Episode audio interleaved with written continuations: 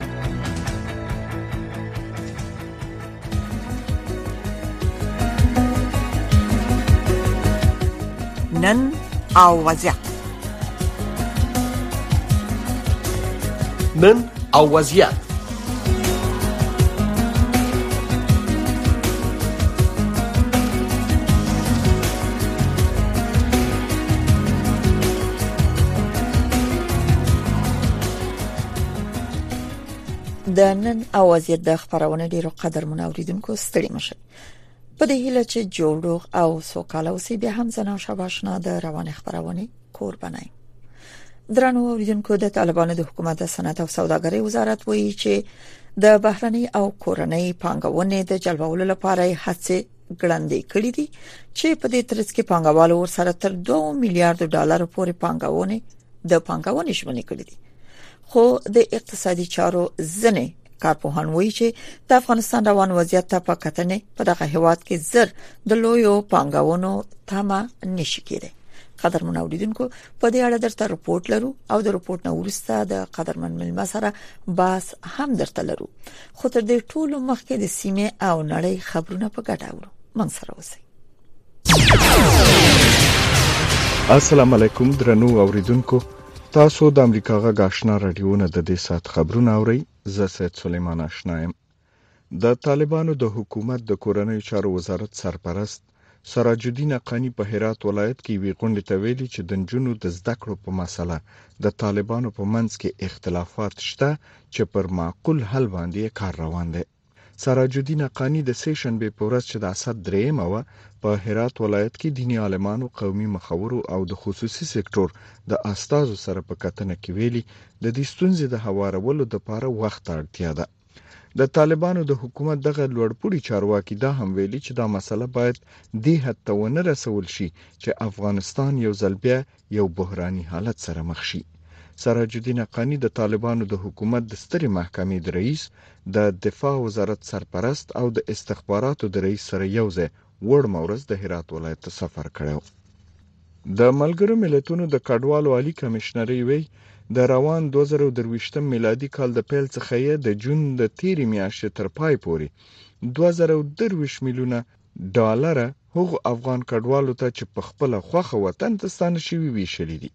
د ملګرو ملتونو د کډوالو عالي کمشنرۍ یا یونیټ سي آر په یو تازه راپور کې ویلي چې د ستنیدونکو افغان کډوالو سره د نغدو پیسو مرستې یو سل او اووه میلیونه ډالر یې د روان کال په لومړیو دریو میاشتو کې او پاتې پنځه سوه او دېرش زره ډالر د همدې کال د اپریل، مې او جون په میاشتو کې توزیع شوي دي. یونیټ سي آر ویلي ستنیدونکي کورنۍ اووه سوه ډالر یعنی د هر ای دوه کسیزی یا له دوو کسانو څخه د زیاتو کسانو کورنۍ ته یا 350 مجردو کسانو او یا که د کورنۍ د غړو د یوې برخې سره وطن ته ستانه شوي ورکول کیږي او پاتې 350 ډالر د کورنۍ د نورو غړو د ستنېدلو په صورت کې هغوی ته به ورکړل شي. د طالبانو د حکومت د اطلاعات او فرهنګ وزارت چارواکي وی د خبريالانو د ستونزو د هوارولو لپاره یې دغه وزارت سره د خبريالانو د نومونو د ثبتولو او ورته د پیژنګلوۍ د کارتونو د ویشلو لړۍ پیړ کړې ده د دې خبر نور تفصیل د نوشابه اشنا نه اوري د طالبانو د حکومت د اطلاعات او فرهنګ وزارت د مطبوعاتو او د نشراتو د څار رئیس عبدالواحد ریان د چهارشنبه پورز د جولای په شپږ ویشتمه د خپل ټوئیټر په پاڼه لیکلي چې خبريالانو ته د کارتونو په ورکولو سره به ټول خبريالان دغه وزارت سره ثبت شي او د اړیکو شمیره به ثبت شو خبريالانو ته ورکول کیږي چې 40 ساعت به روخانه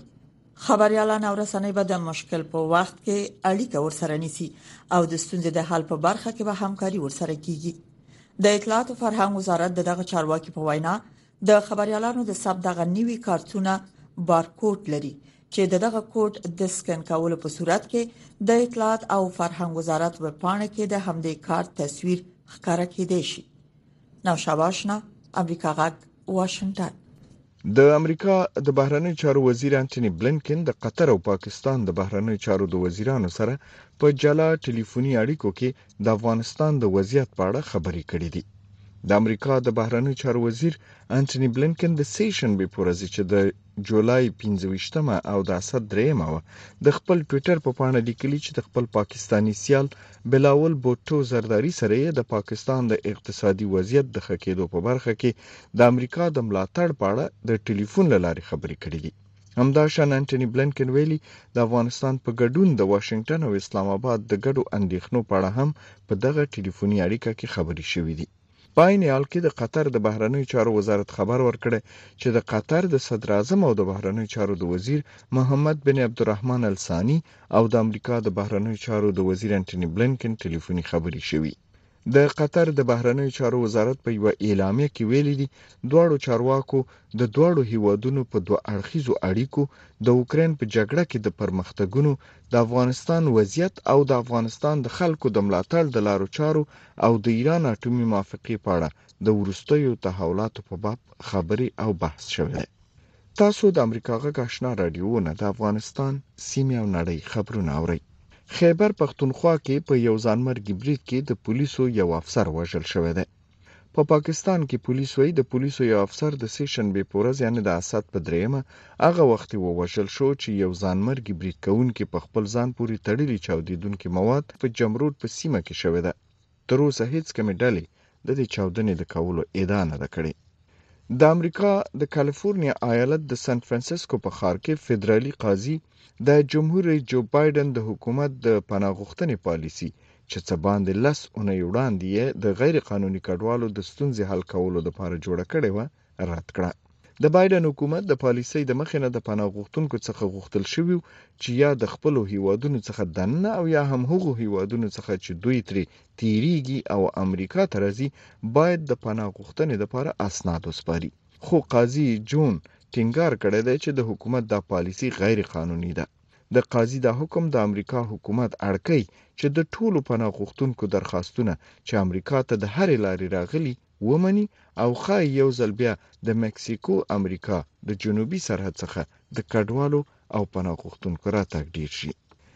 او د جرمني د بواریا د غرونو په لوړو څوکو نن چهارشنبه د توقع خلاف څلور اعشاریه اووه انچه واوره ورېدلې ده. دا واوره ورېدل د سیمې د سیل او سیلانیانو لپاره د خوشحالۍ او خپګان سبب شوی. یو شمیر خوشاله دي چې په دې ګرم اوړي او د جولای په میاشت کې او شنو بوټو باندې واوره وریږي خو یو شمیر چې د فامیلونو سره د غسیمې ته د سیل لپاره تللی وایي چې د ډېری سړې هوا او ګرځېدو چارې ورته سختې شوې دي دا و د دې سات خبرونه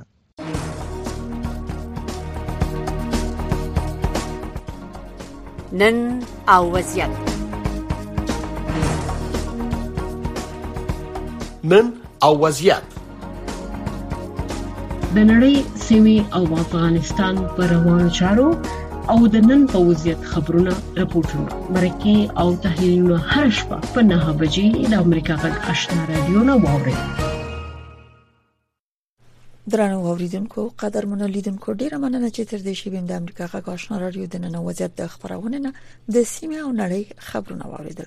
قدر منو اوریدونکو لکه څنګه چې مخکې ویل د طالبانو د حکومت د صنعت او سوداګرۍ وزارت وایي چې د بهرنۍ او کورنۍ پانګونې د جلبولو لپاره هڅې ګړندې کړې دي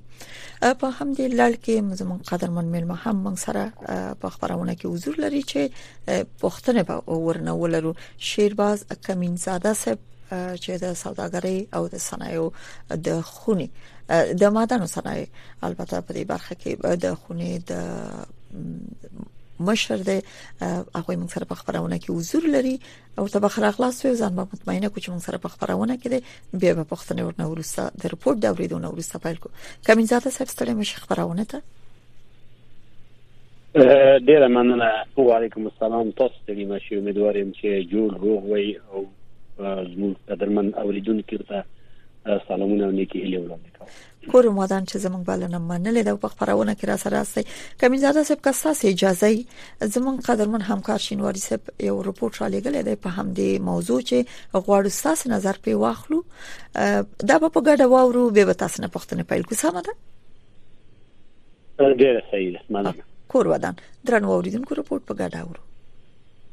د طالبانو د حکومت د صنعت او سوداګرۍ وزارت سرپرست نورالدین عزیزي د چهارشنبې په ورځ ملت ته د دولت د حساب ورکولو پروګرام په ترڅ کې خبریالان ته ویل چې سلګونو بهرنیو پانګوالو ورسره په افغانستان کې د پانګونې په اړه خبرې کړي او په مختلفو برخو کې پانګونو ته لیوالتیا ښودلې ده نوردین عزیزي ویل دغه پانګوالو تر 2 میلیارډ ډالر پورې د پانګونې ژمنه کړې هغه ویل چې کورنۍ پانګوالو هم تر اوسه تر 150 میلیون ډالر په شاوخوا کې پانګه اچولې ده سرمایه‌گذاری انجام شده شرکت‌های داخلی در سکتورهای مختلف به بیشتر از 150 میلیون دلار آمریکایی میخواهند در افغانستان در بخش‌های مختلف در بخش صنعت سرمایه‌گذاری همداشان د صنعت او سوداګرۍ وزارت سرپرست ویل چې په تیر یو کال کې 50 نوي فابریکې تاسیس شوي او 80 فیصد پخوانۍ فابریکې چې د مختلفو عواملو له کبله تړل شوي بیرته پالي شوي دي هغه ویل چې اوس مال په اقتصادي زونونو باندې د زرو سترو پوځي اډو او مرکزونو د بدلون په هدف هڅې روانې دي د صنعت او سوداګرۍ وزارت سرپرست ویل چې د دغو زونونو د جوړېدو وروسته به سوداګري توکي د دغو زونونو له لارې بهر ته صادر شي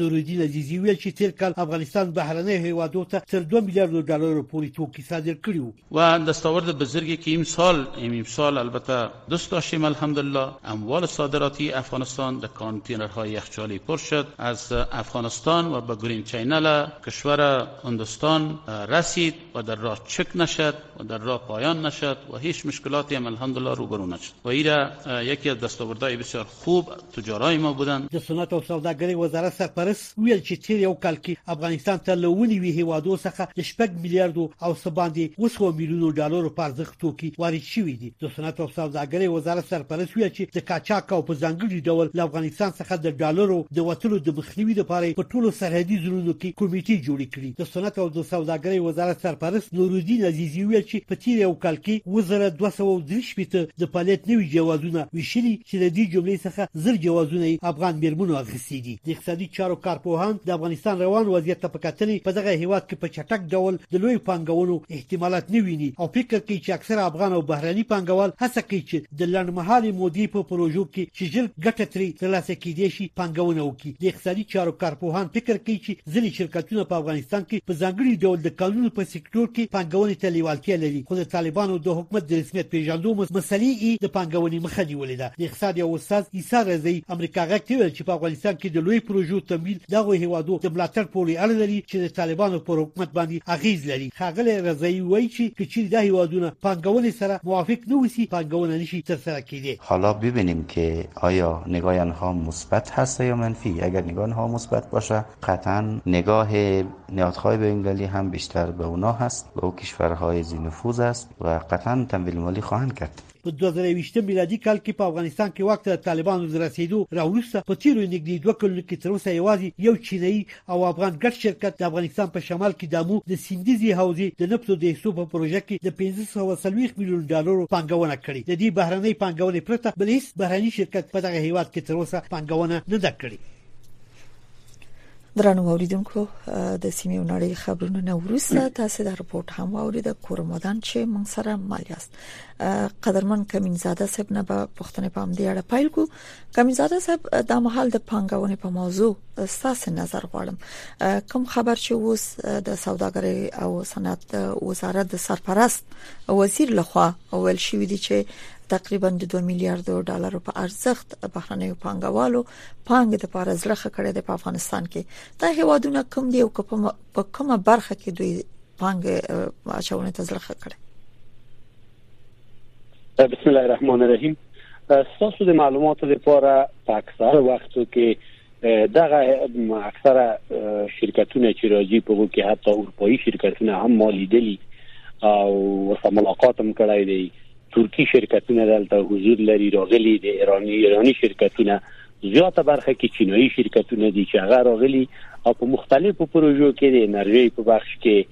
د استخراجي صنایعو په بخش کې چې هغه معادن دي په کې زیاته لیوالتیا لري د د زراعت په بخش کې هم داسې یو دوه درې شرکتونه راغلي وو هغه هم لیوالتیا خوندلې دغه پرون موږ د ترکی شرکتونو د کنسرشون سره غلارلو دا مجلس هم لرلو تیر مخکې د ایرانیانو سره مجلسونه لرل چې نو ان خو زخت ډیر راغلي لکه چې په ریپورت کې تاسو ولیدل چې تر 240 میلیون ډالر په ارزښت قرارداد عملاً کاری کاری شروع کړای نو په دې کې مختلف شرکتونه دی راځي او دوی د تلیوال دي چې د استخراجي صنایعو په بحث کې سرمایه گذاري وکړو بله ډیره مننه کمینزاده صاحب زه د اقتصاد سنې پوهان په دې نظر دي چې په افغانستان کې د محل چې د ټول مسایل یو رقم سیاسي رنګ اخسته د هر مسلې نه د سیاست یو بویزي هر څه سیاسي شي ودی سره لدی چې باید سوداګري واردات صادرات اقتصاد ډیر سیاسي نشي دا سمه ده چې اقتصاد زیربنا د یو ملک او سیاست بم پر اقتصاد خپل یو سیاست دی چې باید مخکې وځي او هیواد کې اما بیا هم دغه سوداګري زرا کړه ور کړه یا نور مسایل پنګا چونه دا هم یو رقم سیاسي شوی ده نو د اقتصاد ځنې په هان په دې نظر دي چې په افغانستان کې دا محل البته د طالبانو د حکومت په موجودیت کې هغه هیوادونه پنګاونه ته زړه خکې چې په طالبانو په یو نو نه یو نو نفوس لري د دوی اړیکې ورسره خېدي هم د سده بالکل د کې شک نشته دی هغه هیوادونه چې د افغانستان د اسلامي امارت سره اړیکې لري هغه زړه ډیر ښه کوي او ما په تیر جلسه کې د ابو حنیفه په نمایشګاه چې و په دې کې مې ویل چې دغه د منطقي هیوادونو ته دا ضروره ده چې هغه داخلي پوتنشلونه چې کوم په افغانستان کې دي په منطقه کې وجود لري دغه نه کار واخلي د ملکونو د فقر او بیچارګۍ کې د هغې نه استفاده وکړو تر څو د فقر او د بیچارګۍ کچه یې راټیټه شي په تقابل کې څه نه جوړیږي چې د ملکونو یو د بل سره تقابل وکړو او په زه په لاندو ټکو کې تاسو زور ته ویلای شم خپل هوادوالو ته چې حقیقت ته استخراجي صنایعو کې یا د معادنو په بخش کې لیوالتیا زښت ډیره ده یعنی هیڅ مو تصور نشوي کولای چې دومره خلک لیواله وي د معادنو هغه ته په معادنو کې سرمایه گذاري ته بله خو اوس چې پته لګي د ورځې په تیریدو سره یعنی بهرنۍ لیوالتیا زښت ډیره شوې ده هغه هیوادونه د کتاس چې اشاره ورته وکړه کوم چې خره وابط لري د اسلامي امارت سره بله د قانون برخه یعنی اساسي پانګه چونه یا سرمایه گذاري چې افغانستان اقتصاد په پخو درولې شي هغه د قانون په برخه کې سرمایه گذاري ده څومره د طالبانو حکومت کولای شي چې په دې برخه کې پانګه جلب کړي خصوصا تاسو چې په دې برخه کې پر راس کې هستي او ټول جریان کې هستي څومره کولای شي آیا د هیوادونو شته چې پرته د سیاسي اغراضو وکړي شي د افغانستان خپل ګټه به تاونه هر وخت په نظر کې نیسي نو کولای شي طالبان حکومت چې داسې یو سرمایه جلب کی یا هوادونه غیر د مغرضانه حرکت نه افغانستان د اقتصادي ثبات لپاره سرمایه گذاري وکړي موږ خو د افغانستان د صنایع معدن خونه یو لوی شرکت مو رامنځته کړ د افغانستان د غرب غټ غټ سرمایه گذارانو نه چې مشترکه سرمایه متمرکز شي او موږ وکړه ولای شو په څو برخو کې څلورو برخو کې سرمایه گذاري وکړو او په دوام قدم کې د افغانستان د صنایع او معدن خونه یا ته مشخص پیشنهادونه د قانون او پټرولیم د قانون پټرولیم وزارت سره وړاندې کړل چې هغه کې د یو نه پرته د اوه نور ومنل شول چې په هغې کې د موږ پیشنهاد دا دی چې اول خو دغه قانون چې استخراجیږي دا باید واړه قانون ټول باید داخلي سرمایه ګزارانو ته ورکړل شي ځکه دوی د دې توانمندي لري چې واړه قانون استخراج کړي او پروسس یې مامدالته وکړو او په دوام قدم کې مو ورته ویل په لوی قانونو کې مو ورته پیشنهاد دا و چې باید هغه قانونه چې هغه څوک چې داوطلبان چې داخلي سرمایه گذاران سره ویغو ته باید دومستیک پریفرنس او امتیاز ورکړل شي هغه ته 25 فیصد باید امتیاز ورکړل شي هغه شرکت چې داخلي پارټنر ولري هغه ته باید امتیاز ورکړل شي چې هغه خبره وزیر صاحب موږ سره منلې او په دوام قدم کې پیشنهاد دا و هغه قانون ته هغه کسانو ته ارجحیت ورکړي چې دا قانون په داخل د ملک کې پروسس شي دا څنګه چې د دې خام مواد واخلي یا تیږي یو سیده دي د وسپري تیګه د سرپو تیګه یا د د د میسو تیږي یوسی هغه په خام شکل د افغانستان نه دا څومره امکان لري کمین زاده صاحب دا څومره امکان لري آیا کوم هیواد بازر شي په دې شرایطو پنګونه وکي په دغه شرایطو کې څوک حاضرېږي خو خبر وي کنه حاضرېږي زه د فکر کوم چې د افغانستان د موجوده شرایطو په نظر کې نیولو سره دوی ته هم مشکل ده او موږ ته هم مشکل ده ځنې معادن دوی کولای شي چې همداسې خام یوسي اما ځینې ماده نور که وړل یې ناممکن دي ځکه چې هغه دوی څخه به د بسته د غره تیږې به وړي خو هغه باید پروسس شي تر څو د حجم کم شي او بیا وروسته صادر شي د افغانستان نه نو په داسې شرایطو کې اوس چې موږ ګورو ځنې شرکتونه راځي هر ورځ راځي هر ورځ یعنی ماته خو دا دا سرواز به نه وي چې د خارجي شرکتونه حتی د سویزرلند شرکتونه د د رولیکس کانټراکټر خو له هغه مو لیدلای خپل وزارت معدن کې افغاني جامع اغوستي وي مال ته څه کوي ویل چې زه خو دغه د لاجبرد د پاره راغلی ما چې دلته که د لاجبرد واخلم چې دا د قرارداد لرم او دلته پروسس کوم او دلته مو فون کار کوم د د د اکثره ملکونو نه د قراردادیان د کسان ما لیدلی او هغه راځي دلته لیوالتیا دوی ته لري خو د ما یو هیله او ارزو دا ده د ټولو افغانانو نه چې دې کوشش وکړو دغه موږ طبيعي زیرمې منابع کوشش وکړو چې موږ دا په دغه وخت کې استخراج شي او افغانان ډېر لاستانګي دي حقیقت دې دې کې شک نشته بله کمین زاده صاحب دې کې خو هیڅ شک نشته ده هیڅ شک نشته ده چې تر ټولو لوی سرمایه د افغانستان او افغانانو لپاره همدا طبيعي زیرمې دي قانون دي اما په اوسنیو شرایطو کې چې طالبان هم وایي چې لوی پنګواله هڅولې دي چې په افغانستان کې پنګونه وکړي او تاسو هم وایي چې د افغانانو د لاسنیوي لپاره باید په افغانستان کې پنګونه وشي څومره دغه پنګونه خو یو ښه مدیریت غواړي آیا اوسنی واکمنان د دې جوګه دي چې دغه خه مدیریت شي ځکه همیشه یعنی اوس هم دا سیر رپورټونه راځي چې د قانونو نه غیر هغه استفاده ورنه کیږي د افغانستان په نفع نه بلکې بهرنیان ورنه استفاده کیږي غیر قانوني کندنی کیږي اوس هم د شته ده اما د ساس په شمول چې د پنګاونې طرفدار استي د محل کې هغه مدیریت څنګه کیږي فکر کوي چې یو قوي مدیریت اوس موجود دی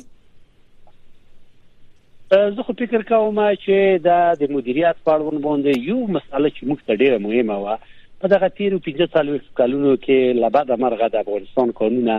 په ډیر یو پجه شکل باندې استخراجیدل چې هغه هیڅ په اصولي طریقه باندې استخراج نشول او مادن اکثره د بین اورل او اکثره مادن په غیر اصولي شکل باندې استخراجېدل او یو روپۍ هم ګټه دولت ته نه رسیده دا اوس چې موږ ګورو یا اکثره قاچاقبران نشي کولای چې د تیږې قاچاق کو په هیڅ صورت یې نشي کولای تاسو ولې د لبل ورځ ګوره ما په تیر موده کې تقریبا یو نیم زر ټنه لیتیم الته ونیول شول نو ځکه چې اوس خو نور کله خو بد امني و دا اکثره د بارډر چې و د افغانستان سرحد د هیڅ حکومت حکومت په لاس کې نه و نو هر څه به چار څه پیدا کړ موږ سرحد به اصل او تل به د ملک نه بله. اوس دغه کار حقیقت یې نشي کولای بله بله کمینزاده صاحب یو موضوع به یو بل موضوع ته غواړم اشاره وکم منګه په تیرې خبرونه کې چې د څو شیبې یا څو دقیقې مخکې و د سپین خبرې په خبرونه کې هم پام دې موضوع بحث درلود د طالبانو د کورنۍ چارو سرپرست وزیر سراج الدین حقانی په هرات کې پنګوال سره په خبرو کې البته چې خبرې کولې د جنونو د مکتب موضوع یاد کړې و خو پنګوالو ورته ویلي دي چې د جنونو د تعلیم موضوع په افغانستان کې د سرمایه د تېښتې یا د فرار سبب شوی چې اکثرا پنګوال پنګونه ته ځړنه کوي یا کورنۍ کډه کیږي پنګوال کډه کیږي د جنونو د تعلیم په خاطر ځړنه نه کوي چې په افغانستان کې پاتې شي ډېر کورنۍ کډوالۍ ته مخه کړې ده ستاسو په نظر امدغه موضوعات لکه د جنونو مشخصا کاکو شاید ستونزې به ډېری اما مشخصا د جنونو د مکتب موضوع څومره په افغانستان کې د پنګا چاونې په موضوع سیروي غړولې ده په دې کې شک نشته واقعا د موضوع و منفي تر غوړولې ده ځینې هوادوال زموږ حتی اکثره هوادوال هغه هوادوال چې ظرفیت یا امکانات دې لري چې خپل اولاد بهر کې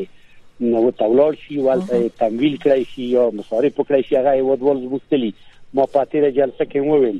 په دغه اکثره وخت کې دغه هیوادوال چې زموږ تللی کار هیوادوال زموږ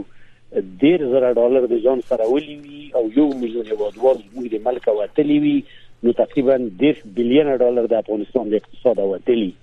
په دې کې شک نشته دی چې اکثره هیوادوال زموږ اسلام آباد ته تللی پاکستان ته تللی الته خپل اولاد بولای درسونه وایي او اکثره هیوادوال مو ایران ته تللي او هلته درسونه وایي د نجونو د مسله حقیقت دی چې په دې باندې ټول پودي او د امارات اسلامي اکثره مشرانم په دې کې موږ سره موافق دي چې دوی هم وایي چې دوی ته باید یو لار پیدا شي ترڅو نجونې زموږ خويندې په اسلامي قوانینو مطابق دلته زمينه د تحصیل او تعلیم او مکتب او دا زمينه او تاسو مساعد شي بله کمیزاده صاحب بیا هم پام دی موضوع د تاسو نه پوښتنه لرم د جنونو د تعلیم موضوع او د خزو د کار موضوع دغه دواړه موضوعګان یعنی په ټوله کې د افغانستان د خزو د بشري حقوقو موضوع